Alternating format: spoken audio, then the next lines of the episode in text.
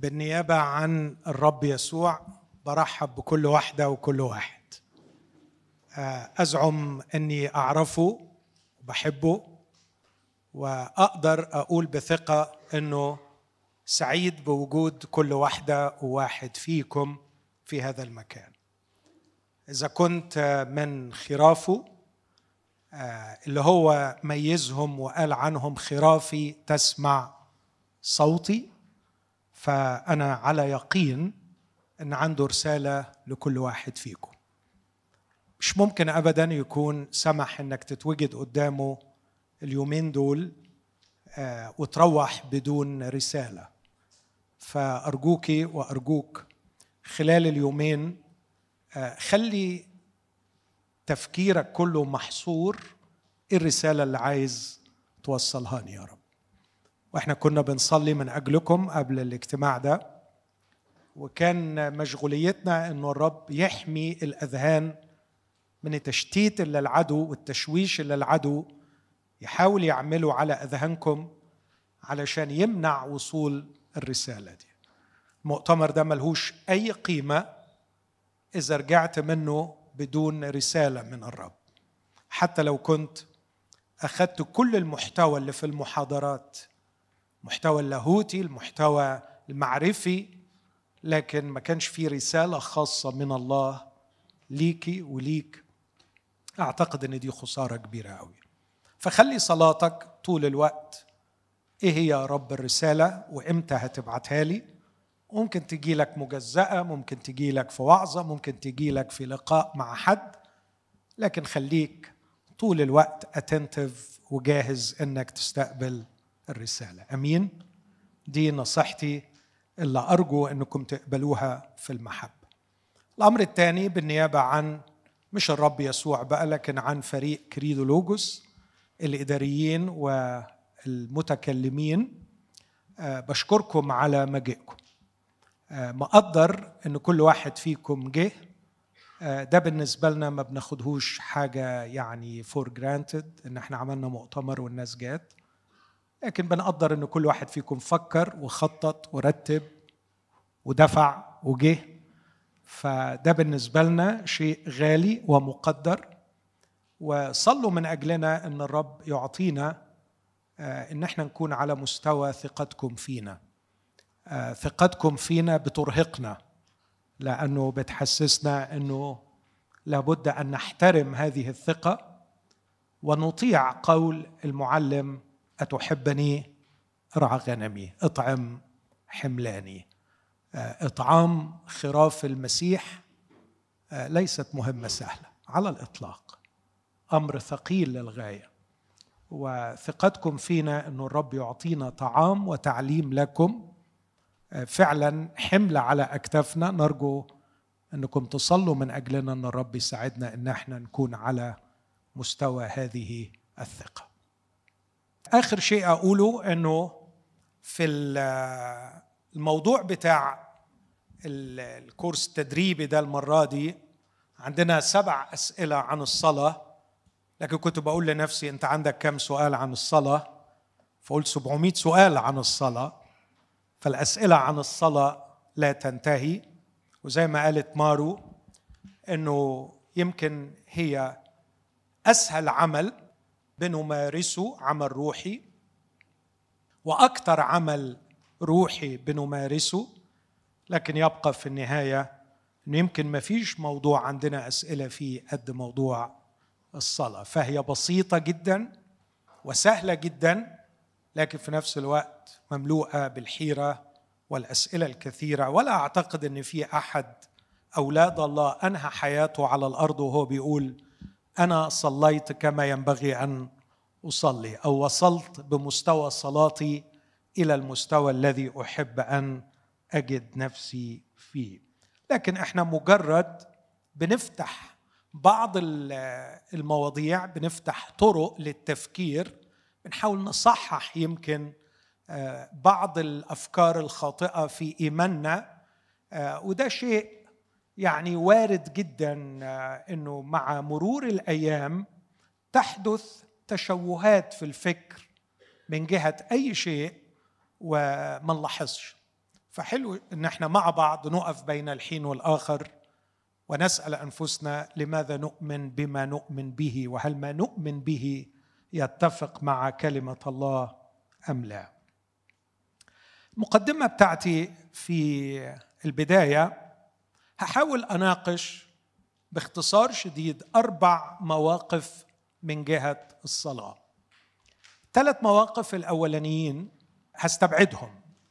uh, I will exclude them. هشرحهم وهفترض إن دول مش موجودين بينا وهيكون تركيزنا في المؤتمر على الموقف الرابع. الموقف الأول في الصلاة هو ما نسميه الموقف الربوبي. الموقف الثاني موقف وثني. الموقف الثالث خليط بين الاثنين فبسميه الموقف الوثن ربوبي.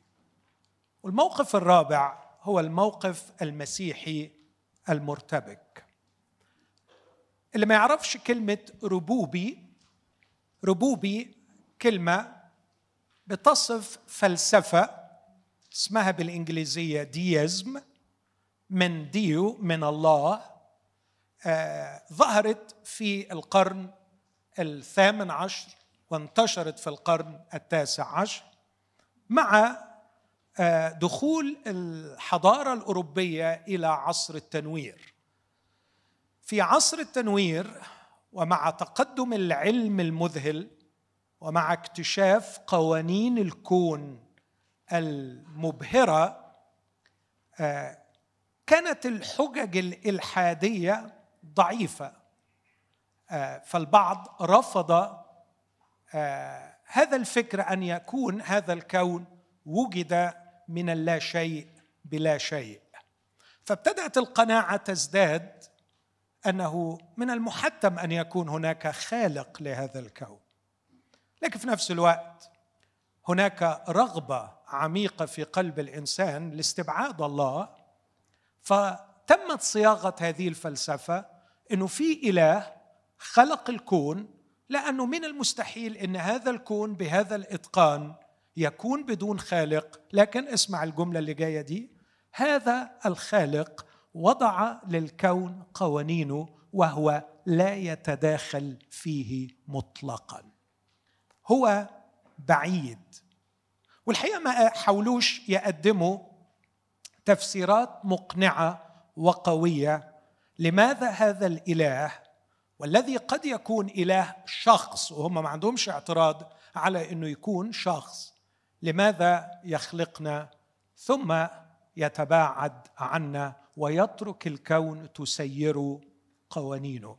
ربما كان عندهم خوف من حالة التواكل الديني وإهمال المسؤولية الشخصية فأرادوا أن يحمسوا البشر أن كل واحد يتحمل مسؤوليته لكن الحقيقة كان ادعاء آه، غير مسنود على أي أساس منطقي وبالطبع هم استبعدوا الكتاب المقدس إنه تدعي أن الله لا يتداخل في حياة الناس. طبعا لو الموقف ده صحيح تبقى مسألة الصلاة هي مجرد عملية نفسية ملهاش أي وجود واقعي.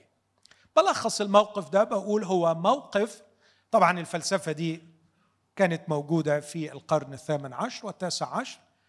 ابتدت تضعف شوية في القرن العشرين آه لما أحبط الناس في الناس لما حل الدمار بالبشرية في القرن العشرين شعروا بأنه تلك الأحلام والأمال أنه هنقدر بالعلم وبقوانين الكون اللي هنكتشفها نعيش حياة ناجحة. اكتشفوا أن القرن العشرين كان أسوأ قرن في التاريخ البشري فابتدت الفلسفة دي تضعف. لكن الملاحظة اللي هقولها دي مهمة شوية. بين مجتمع المؤمنين بالله لن تجد شخص يعلن أنه ربوبي. لكن ستجد style of life نوع حياة أعتقد إنه اللاهوت الضمني تبعه الفلسفة التي تسيره هو أنه ربوبي. أوضح الكلام ده بالخلاصة اللي هقراها. هو موقف الانتماء لعالم المؤمنين بالله. هو مع الكنيسة مع المؤمنين. انتماء لعالم المؤمنين اجتماعيا فكريا اخلاقيا. هو يحرص على الأخلاق المسيحية وربما يسعد بمناقشة بعض الأفكار الدينية. لكنهم مستقلون عن الله عمليا. لا يشعرون باحتياجهم للصلاة. والسمة العامة لمشاعرهم هي التأرجح بين الخوف والأمل. الخوف من غدر الأيام والأمل في العلم. وفي المنطق وفي التكنولوجي وفي التحضر لإعطائنا النصرة على مخاوف الحياة. يفكرون بواقعية يتحملون مسؤولياتهم الشخصية. لا يرفضون الله لكنهم ليسوا في علاقة حميمة معه. لا يصلون بالمعنى الحقيقي للصلاة. أعتقد إنه في كثير من المنتميين لعالم المؤمنين. يعلنون إيمانهم بالله شفاء اجتماعيا فكريا لكن في حياتهم الشخصية ما تلاقيش هذا الضعف المستند على الله. ما تلاقيش هذا الشعور العميق بالاحتياج لله. آه، دايما ذراعه تخلص له عنده مشكلة بيتحمل مسؤوليته الشخصية بيحاول يوجد الحلول بيفكر بيشوف طرق مختلفة يحل مشاكله لكن لا يفكر في الصلاة. الموقف الثاني هو الموقف الوثني. ولما هو الموقف الوثني أرجو أن مخنا لا ينحصر ولا يتوقف عند حدود شخص عنده تمثال أو عنده صورة بيسجد لها ويقدم لها الذبائح. لكن الموقف الوثني مش بهذه البساطة ولا بهذه السذاجة ابدا ابدا. الموقف الوثني موقف مملوء بالأفكار وأرجو أن نفهمه. ودلوقتي مؤخرا ابتدى آه، ابتدت تعود الوثنية مرة أخرى إلى العالم باللفظ نفسها. يعني بيجنزم بدأت ترجع وفي لها كتب ولها فلاسفة ينادون بها. الموقف الوثني مقتنع أنه توجد قوة عظيمة تحرك هذا الكون. توجد قوة بغض النظر خلقت ولا ما خلقتش مش بيناقش مين أوجد الكون لكنه مؤمن أنه توجد قوة عظيمة فوق هذا الكون وتتحكم في مقادير هذا الكون. هذه القوة العظيمة على العكس من الربوبي متداخلة بشدة في حياة الأفراد وحياة الشعوب وحياة الزرع والحصاد والمطر والجفاف هذه القوة متداخلة في حياة البشر. النقطة الثالثة أنه يمكنك أن تتواصل مع هذه القوة بشرط أنك تعرف المفتاح بتاعها تعرف ما يرضيها تعرف كيف تتسق معها لكي تستقطبها إلى جوارك لكي تؤمن لك حياتك.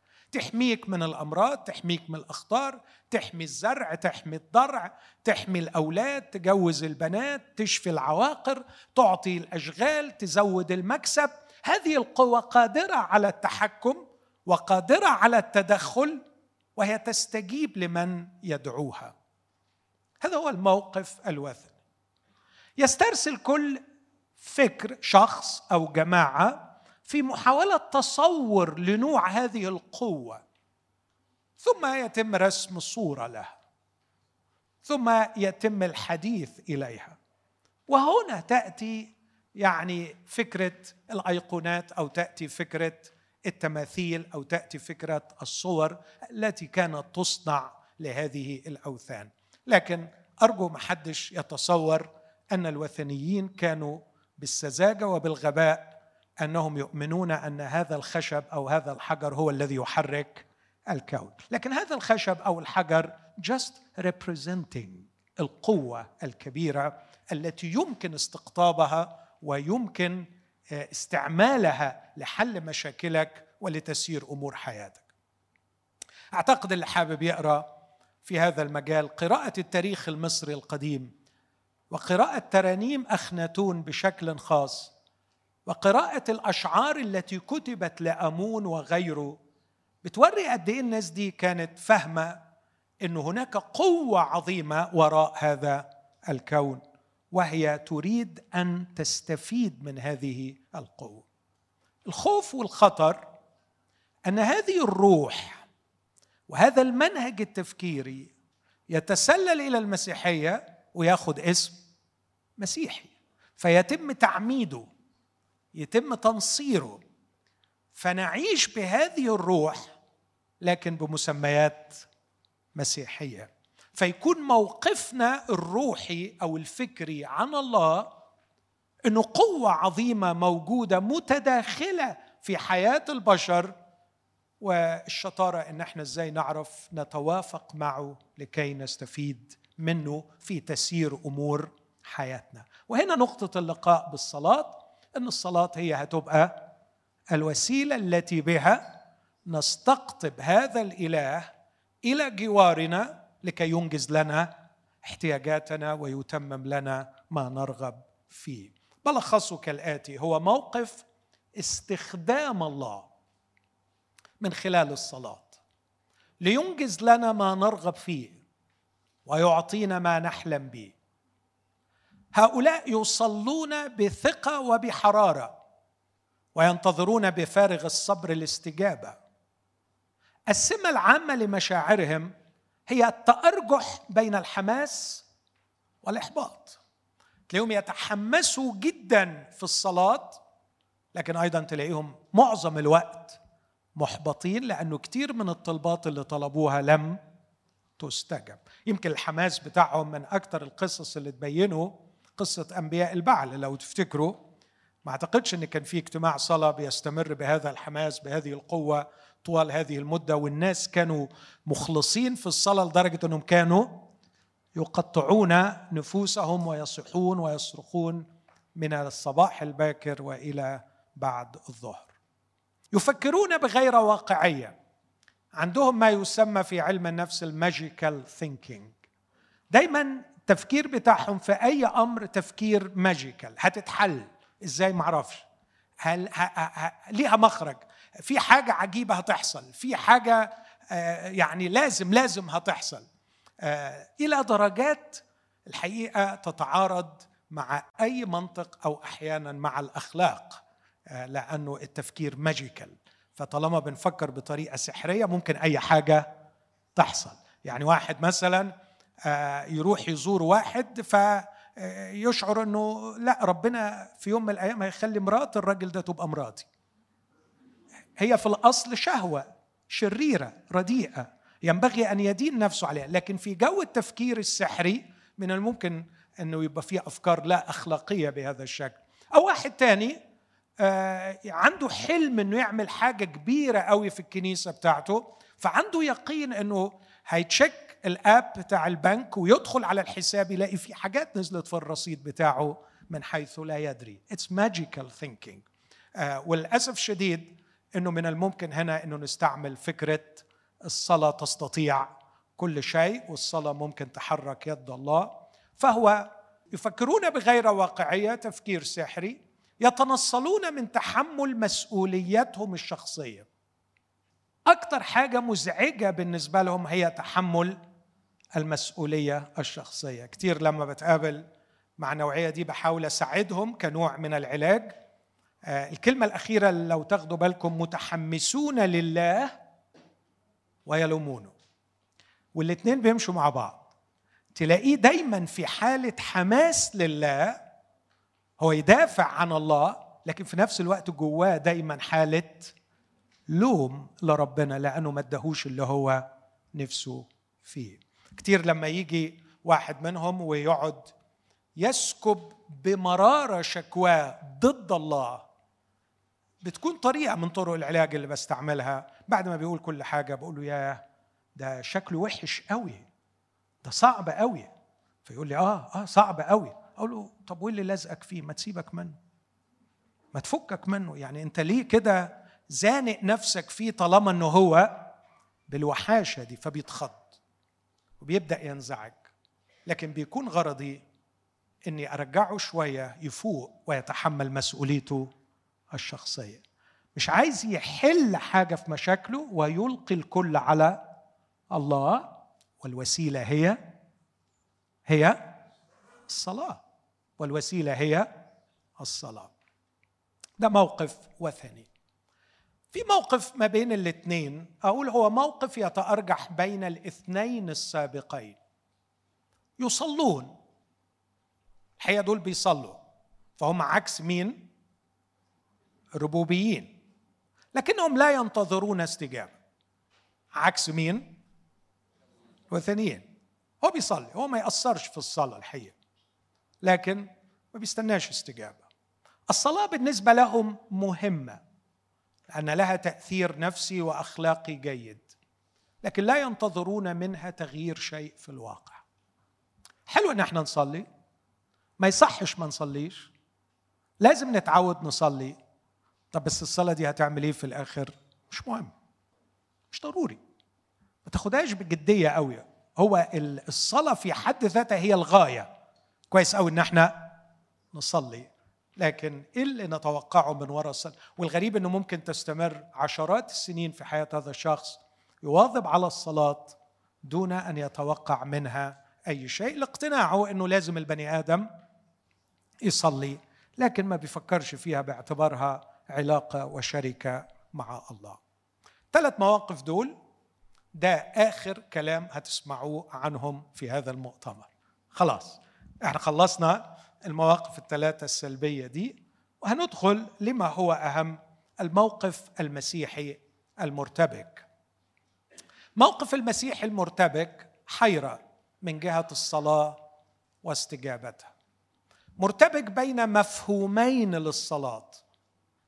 الصلاة التي تركز على عالم المسيح الداخلي بغرض التأمل والاستمتاع الروحي.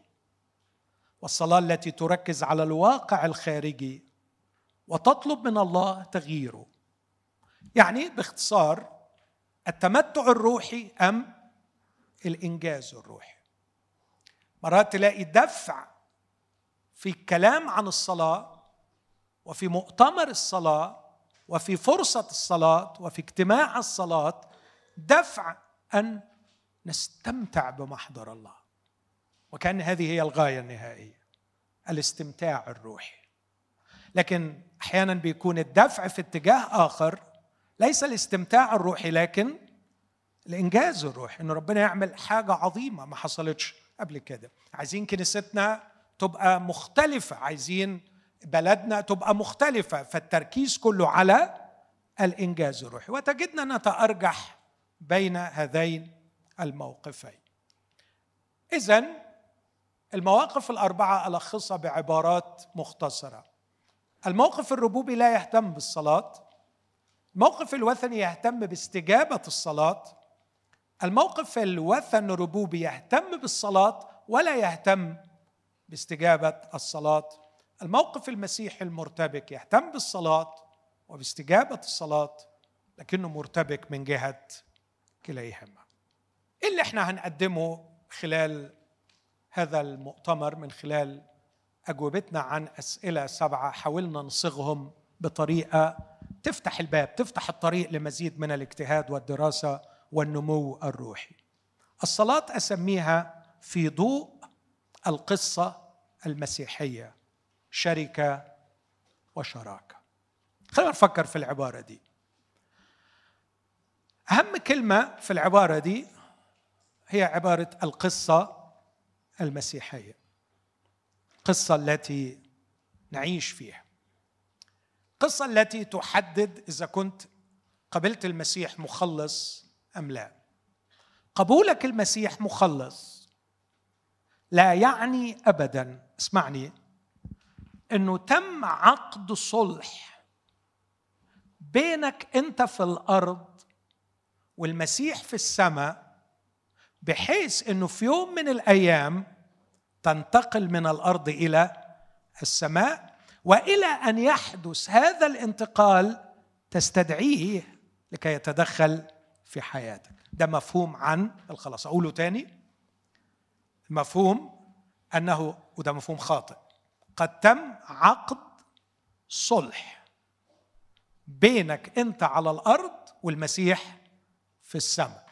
بحيث إنه لما تنتهي حياتك هتروح عند المسيح في السماء ولغاية ما تروح له تستدعيه فيأتي لكي يصلح لك أوضاعك. بس أنت عايش قصتك في العالم لغاية ما تخلصها بالسلامة وهو مش هيأثر معاك يساعدك فيها وبعد ما تخلص حكايتك هنا تروح السماء. هذا مفهوم خاطئ تماما. المسيحية بتقدم في الكتاب المقدس قصة. هي قصة الله. والخلاص في المسيحية اسمعني بقى هو قبولك لدعوة الله لك أن تدخل إلى قصته وأن تصبح جزءا منها. فأيامك على الأرض ليست استدعاء لله لكي يضبط لك ويصلح لك قصتك لكن أيامك على الأرض هي مجرد جزء من حكاية الله. فأنت هنا مش بتعيش حكايتك أنت هنا بقيت جزء من حكاية الله. ده بيستلزم إنك تؤمن إن الله عنده حكاية وإن الحكاية شغالة شغالة من أيام آدم وإبراهيم وموسى ومجيء المسيح وتأسيس الكنيسة ووجود الرسل وانتشار الإنجيل ووجودك اليوم في هذا العالم أن تؤمن إنه مش في إله بس في السماء الإله ده ليه حكاية على الأرض وهو بيدعوك إنك تدخل في حكايته وتبقى جزء منها. يمكن مش كلنا حدث معانا ما حدث مع شاول الطرسوسي القصة بتاعته فجة الخطوط فيها واضحة جدا. لكن إلى حد ما قصة شاول الطرسوسي تصور الحكاية دي. شاول الطرسوسي لغاية ما التقى مع المسيح بيعيش حكايته. الراجل عنده حكاية ومؤمن بيها جدا وبيعيش فيها من يوم إلى يوم. لكن ثلاثة أيام في عمى كامل وفي حيرة رهيبة وفي هلع من هول اكتشاف بشاعة القصة التي كان يعيش فيها. ثم يخرج مبصرا لكي يعيش في قصة المسيح. المسيح يقول هذا لي اناء مختار. القصة اختلفت تماما. أتمنى أن التصوير ده يكون إلى حد ما بيوضح يعني أو بيجاوب عن سؤال هو أنا اتخلصت ولا ما اتخلصتش؟ وأنا نلت الخلاص ولا لا؟ أنا قبلت المسيح مخلص ولا لا؟ ممكن تسأل نفسك هل فعلا انتقلت لتعيش داخل قصة الله؟ لو انتقلت لتعيش داخل القصة الإلهية القصة دي لازم تكون عارفها تكون عارف الحكاية ودي الحكاية اللي بيحكيها الكتاب المقدس. والحكاية دي اسمعني هتبقى بالنسبة لك مع الوقت. اسمعني في اللي جاية دي. مش حكاية تقراها لكن حكاية تقرأ بيها.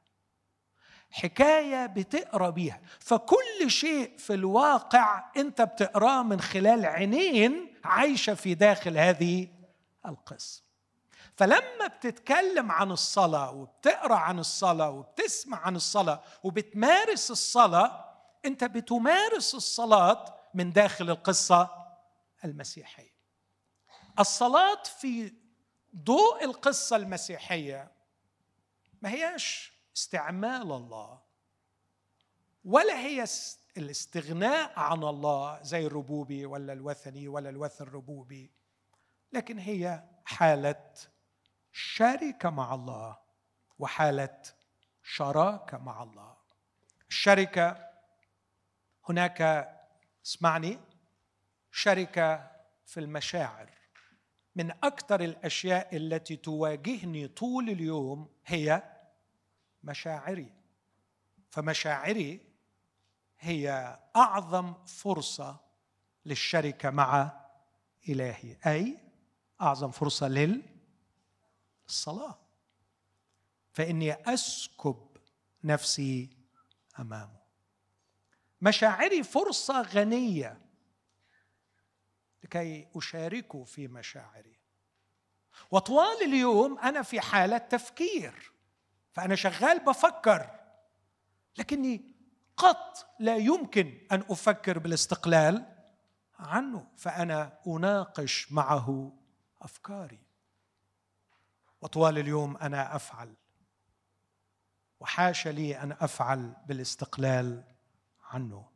أشعر معه وأفكر معه وأعمل معه. فأنا في حالة شركة. حالة شركة. حالة الشركة مع الله في داخل القصة المسيحية هي اللي إحنا بنسميها صلاة. أو الصلاة هي حالة شركة مع الله. لكنها ليس فقط عمل سلبي إنك بتشارك لكنها شراكة بحيث يعني أتمنى كلمة شراكة توصل المعنى إنه من خلال مشاركتي مشاعري وأفكاري وأفعالي يتم تكليفي to reflect him. ان أنا أعكس وجوده وأحمل حضوره وأفعل معه ما هو يريد. وفي هذه الحالة تصبح أفعالي صلاة. فيصبح الفعل نفسه هو صلاة. فأنا أدخل في شركة معه وفي حالة الشركة يتم تكليفي تلقائيا بأفعال أفعل أفعال يومية بسيطة حياتية بسيطة فأعيش داخل القصة في شركة وفي شراكة. إلا أن هذه الشركة شركة مغيرة وهذه الشراكة شراكة فاعلة. أقصد بأنها شركة مغيرة أنها شركة ليست للاستمتاع. مش بقعد معاه علشان أستمتع لكن بقعد معاه علشان أتغير إلى تلك الصورة عينها فمن خلال هذه الشركة معه يتم تطوير انسانيتي أنا بكبر أنا بتطور في شيء هنسمع عنه أكثر في المحاضرة اللي جاية في إنسانيتي. أنا سأصبح إنسان وإنسان وإنسان وإنسان من خلال الشركة معه. فليست الشركة معه هي حالة من التأمل الروحاني وحالة من الخبرة العاطفية الاكستسي اللي يخليني أهيم لكن الشركة هو نوع من الشركة الواعية المغيرة لكياني فأتطور من مجد إلى مجد. كلمة من مجد إلى مجد. يحدث اكتساب شيء يثقلني في الداخل أو يثقل من كياني. فكياني آه، يبقى هش يصبح ثقيل. في مجد. كلمة مجد يعني ثقل.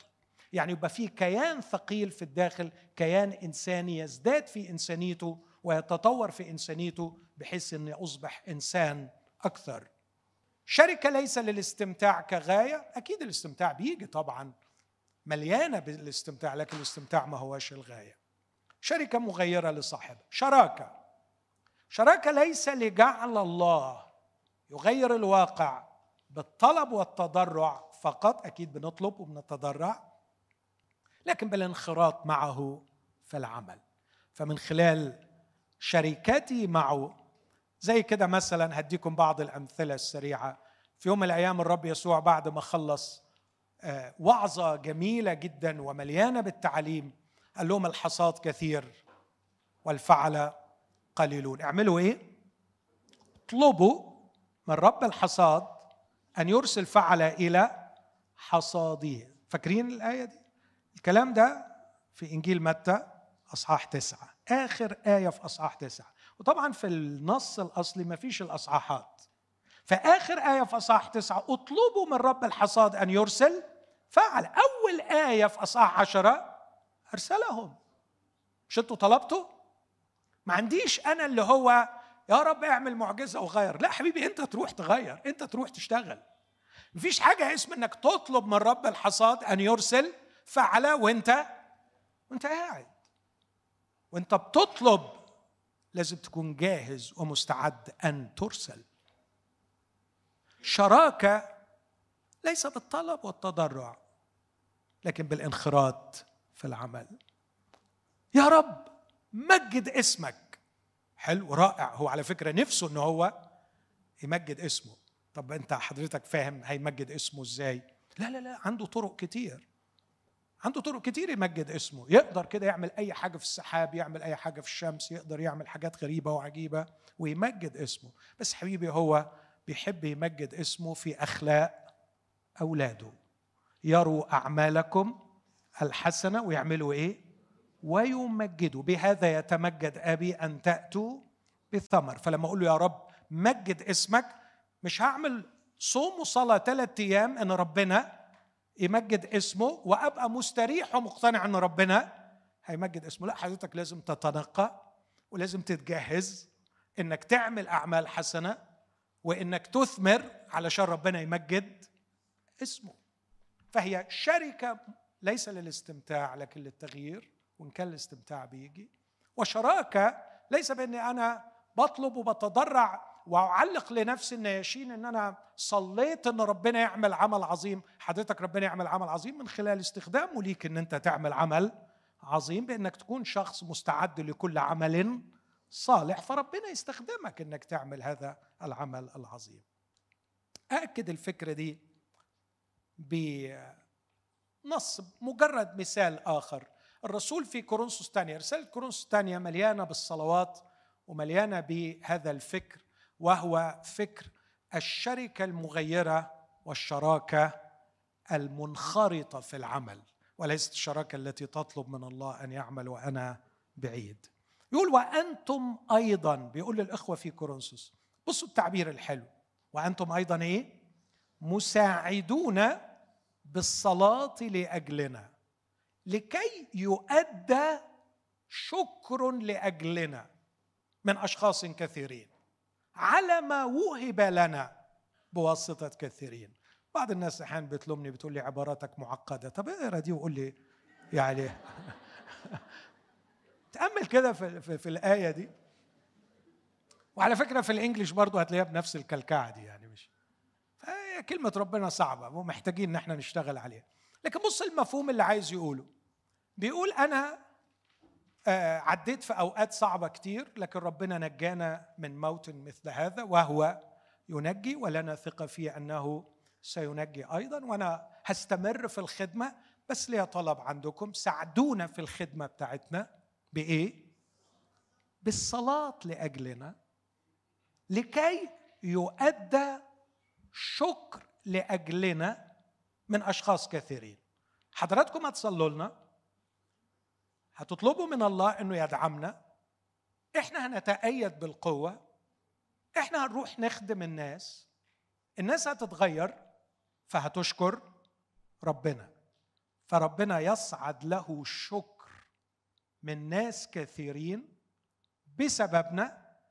إحنا اللي تساعدنا بسبب صلواتكم. على ما وهب لنا بواسطة كثيرين. واضح جدا أنه الأمر لم يتوقف عند حد الصلاة لكن ما وهب لنا سواء وهب لنا من الله بسبب صلواتهم أو ما وهب لنا مباشرة من هؤلاء الأشخاص. واخدين بالكم من الفكرة؟ هناك شراكة منخرطة في العمل وليس مجرد الصلاة أنها يعني حالة من الاستمتاع الروحي أو مجرد تضرع إلى الله إنه يحل يخلص الناس. يا رب خلص الناس. لا خلص الناس. أنت لازم بتفكر في خادم معين بتصلي من أجله بتشوف كيف تدعمه لكي ما يحقق هذه الرسالة ويؤدى الشكر من كثيرين على ما وهب له بواسطة كثيرين. يتكلم عن رسالة المسيح. في اصح ثلاثة من كورنثوس الثانية. يقول إن الرسالة دي معروفة ومقروءة من جميع الناس. ظاهرين وسط الناس أنكم رسالة المسيح. بس بص التعبير ده يقول مخدومة منا. إحنا اللي خلينا المؤمنين دول رسالة مقروءة ومعروفة من جميع الناس. يبقى الخدام كان ليهم دور وبولس لا يتحرج إنه يقول إن الرسالة دي بقت ظاهرة إنها رسالة المسيح لأنها اتخدمت مننا. بس بص التعبير الجميل. مكتوبة مش إحنا اللي كتبناها. لا بحبر بل بروح الله الحي. فكان روح الله يكتب وإحنا بنخدم على روح الله. فالكاتب هو روح الله بس الرسالة المكتوبة بروح الله مخدومة منا. وكأنك بتقول له يا روح الله بكت فلان على الخطية اللي هو عملها. حبيبي روح اقعد معاه وعاتبه على الخطأ اللي هو عمل لا لا لا لا, لا.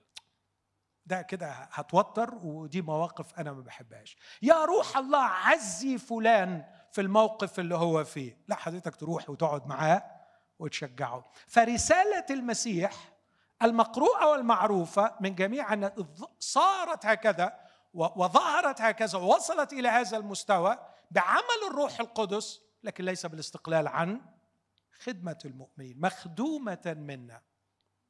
مكتوبة لا في ألواح حجرية بل في ألواح قلب لحمية. ولكن لنا ثقة مثل هذه بالمسيح لدى الله. ليس أننا كفاة من أنفسنا أن نفكر شيئا كأنه من أنفسنا بل كفايتنا من الله الذي جعلنا كفاة لأن نكون خدام عهد جديد. بعدين نتكلم عن جميع المؤمنين فكرة التأمل في الخلوة والتأمل في الشركة ليس للاستمتاع لكن بوجه مكشوف نتغير إلى تلك الصورة عينها من مجد إلى مجد كما من الرب الروح. صح خمسة لكن الكل من الله الذي صالحنا لنفسه بيسوع المسيح. طالما الكل من الله والله وصل إنه يصالحنا بيسوع المسيح يبقى هو يعمل كل حاجة. لا يقول أعطانا خدمة المصالحة.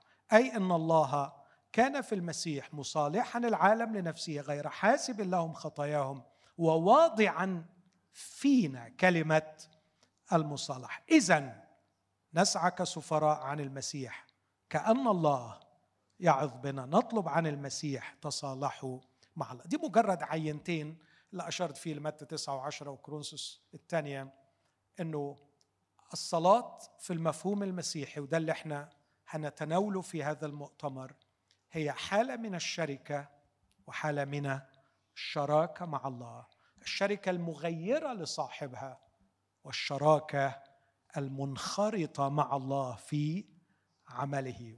وهذا الانخراط في العمل هو حالة صلاة زي ما هنشوف أثناء المحاضرات. الموضوع ببساطة كده يبدو أنه بسيط لكن الحقيقة مليان بالتعقيدات. ففي مشاكل كثيرة في الشركة وفي مشاكل كثيرة في الشراكة. هل لما أجي أصلي بلاقي الطريق مفروش بالورود؟ أليس هناك تشتيت وتعب وجهاد؟ مش مرات كثيرة ما بلاقيش ليا نفس خالص إن أنا أتكلم؟ هل الأرواح الشريرة هتسيبني في حالي؟ ألا يحتاج الأمر إلى جهاد كما جاهد المسيح في بستان جثيماني أليس مرات كثيره أشعر أني لست مستحقا أن أصلي؟ وهناك شكاية على ضميري تمنعني من الدخول إلى محضر الله للصلاة. ما هي الصلاة في أصلها وكيف نمارسها؟ هيبقى عندنا سبع أسئلة هنمر عليهم. السؤال الأول هيكون ماهيه الصلاة؟ وكيف أصير شخصا مصليا؟ أنا هحاجج أن الكتاب يريدنا أن نصل إلى هذا التعبير أما أنا فصلاه آه، ليس مجرد كائن يصلي لكنه كائن مصلي يعيش حياة الصلاة. ده هيكون محاضرتي اللي جاية. وكيف أصير شخصا مصليا؟ المحاضرة الثانية هتكون مع حسام. هو فعلا صلاتي هتفرق؟ هتفرق فيا؟ هتفرق في كنيستي؟ هتفرق في العالم؟ ما الفارق الذي تصنعه صلاتي؟ أندرو هيتعرض لسؤال في غاية الأهمية وبيتسأل كتير. لماذا نصلي إن كان الله يعلم احتياجاتنا؟ وخصوصا أن الرب يسوع قال أنه يعلم احتياجاتنا قبل أن نسأل. إذا كان ربنا عارف إيه لازمة إني أصلي؟ أتمنى إنه على ما نوصل للسؤال ده ويكون اتغير مفهومنا عن الصلاة أندرو ما يلاقيش سؤال يجاوبه. لكن لكن أعتقد إنه هيبقى برضه لسه في ناس بتسأل إذا كان ربنا عارف كل حاجة إيه لازمة إن أنا أقول له؟ وسيم هيتعرض لنقطة حساسة وبتحير ناس كتير ما معنى اللجاجة في الصلاة؟ هل يا ترى هي مجرد تكرار الكلام باطلا اللي المسيح حذرنا منه؟ هل هي الزن بتاع الأطفال الصغيرين؟ عارفين الأطفال يمكن تعرفهم كائنات زنانة. ممكن. يعني أساتذة في الزن والحقيقة بالزن بتاعهم بيربحوا معارك كتير جدا داخل الأسرة. معظم معارك الأطفال مع الأسرة بيربحوها بهذا السلاح البسيط سلاح الزن. ويبدو انه كبرنا وكبرنا وكبرنا لكن لسه مغروس فينا انه الزن يعني بيغلب. فزن مع ربنا هتجيب. آه، بس المسيح اتكلم عن اللجاجه في نصين مشهورين لو 11 ولو 18 وسيم هيتعرض للنصين دول ويحاول يساعدنا نفهم يعني إيه الصلاة بلا خجل ويعني إيه الصلاة بلا ملل. وهذه هي اللجاجه ثم ماركو مدحت هيتكلم عن هو إحنا ليه بنعافر في الصلاة؟ هي ليه الصلاة حاجة مش سهلة؟ ليه يقول عن ابي فراس مجاهد كل حين في الصلوات؟ ليه الكتاب بيكلمنا دايما عن الصلاة باعتبارها داخلين معركة ولازم نكافح ولازم نجاهد ولازم نواظب؟ هو إيه المشكلة؟ هو ليه الصلاة بالنسبة لنا؟ رغم إنه عمالين نقول إنها شيء يعني آه المفروض إنه المفروض إنه لا إرادي بيطلع تلقائي. لماذا نجد صعوبة في الصلاة؟ يوسف هيدينا خطوات عملية كعادته. خطوات عملية. نعمل إيه علشان ننمو أكثر في حياة الصلاة؟ هياخدنا كده لبعض التدريبات وبعض الكتب اللي نقراها يمكن أو الابس اللي نستعملها إزاي نقدر ننمي حياة الصلاة. وأخيرا هحاول أجاوب على شخص نفسه صغيرة في عينيه فشلان محبط وبيطرح هذا السؤال وبيقول من أنا؟ لاصلي أنا حاسس إني ما استاهلش أصلي وما ينفعش أصلي وأنا في دنيا تاني غير دنيا الصلاة اللي بتتكلموا عنها. ده تقريبا هيكون المؤتمر بتاعنا دي الأسئلة السبعة. أنا أحب في النهاية نحن نقف مع بعض كلنا وسامح لو تسمح تيجي. وناخد الكم دقيقة اللي باقية لنا؟ ثلاث آه، دقائق عايزك آه، تصدق حاجة وتطلب حاجة.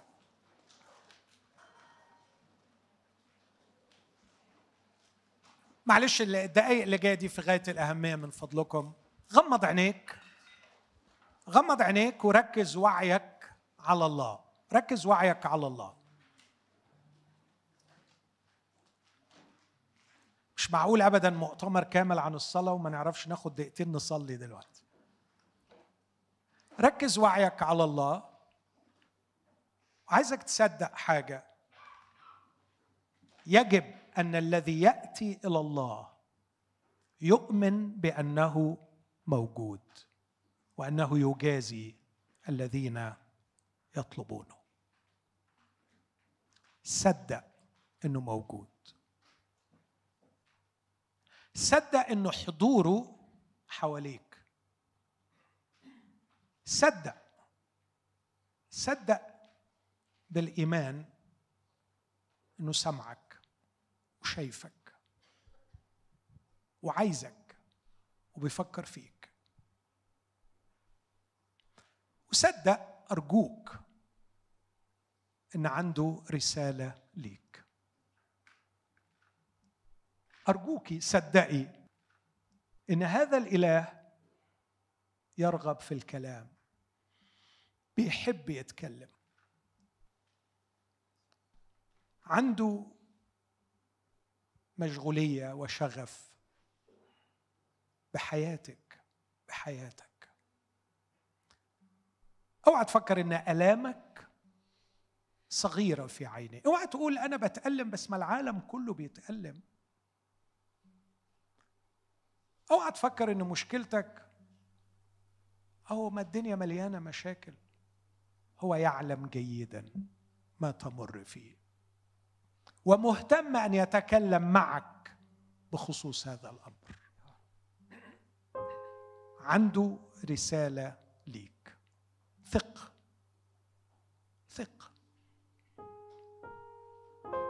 هل لديك الاستعداد أن تسمع رسالته؟ هل لديك الإيمان والجدية إنك تركز وعيك لكي تسمعه؟ أنا عايز أقول لك إنه مر من جنبك مرات كتيرة وأنت ما حسيتش بيه. وتكلم إليك مرات كتيرة وأنت ما سمعتوش. امسكت أعينهما عن معرفته. إنه يريد أن يعلن ويتكلم. ثق. قالوا لبرتماوس ثق. قم. هو ذا يناديك. وأنا أقتبس ده وأقول لك باسمك وباسمك. الرب يسوع المحب يناديك في هذا المؤتمر. يناديك وبيقول لك عنده في قلبه كلام عنده رسالة. نفسه إنك تسمعها. أما الطلب كيف تحفظ ذهنك من التشويش لكي تستقبل الرسالة؟ هنقعد في المكان ده 48 ساعة. قلل من استعمال ال social media من فضلك. استغني عن أي مكالمات ملهاش لازمة. افصل. ربما الأصوات والضجيج يمنع وصول الرسالة. الله يتكلم ويقول من له أذن للسمع فليسمع. من له أذن؟ أكيد عندك ودن لكن مش ليك. عندك ودن بس ما بقتش بتاعتك. في في كتير خدوها وانت جاي من غيرها. ودنك لغيرك. ودنك مش معاك. من له؟ من له. قل يا رب أعني أستعيد أذني. من شباك العدو. لكي أسمع. كيف أسمعك وأذني؟ ليست لي. ودني مع حاجات تاني كتير. مش خسارة في نفسك مش خسارة في عيلتك مش خسارة في حياتك إنك تدي 48 ساعة تسمع فيهم ربنا وهو سيتكلم.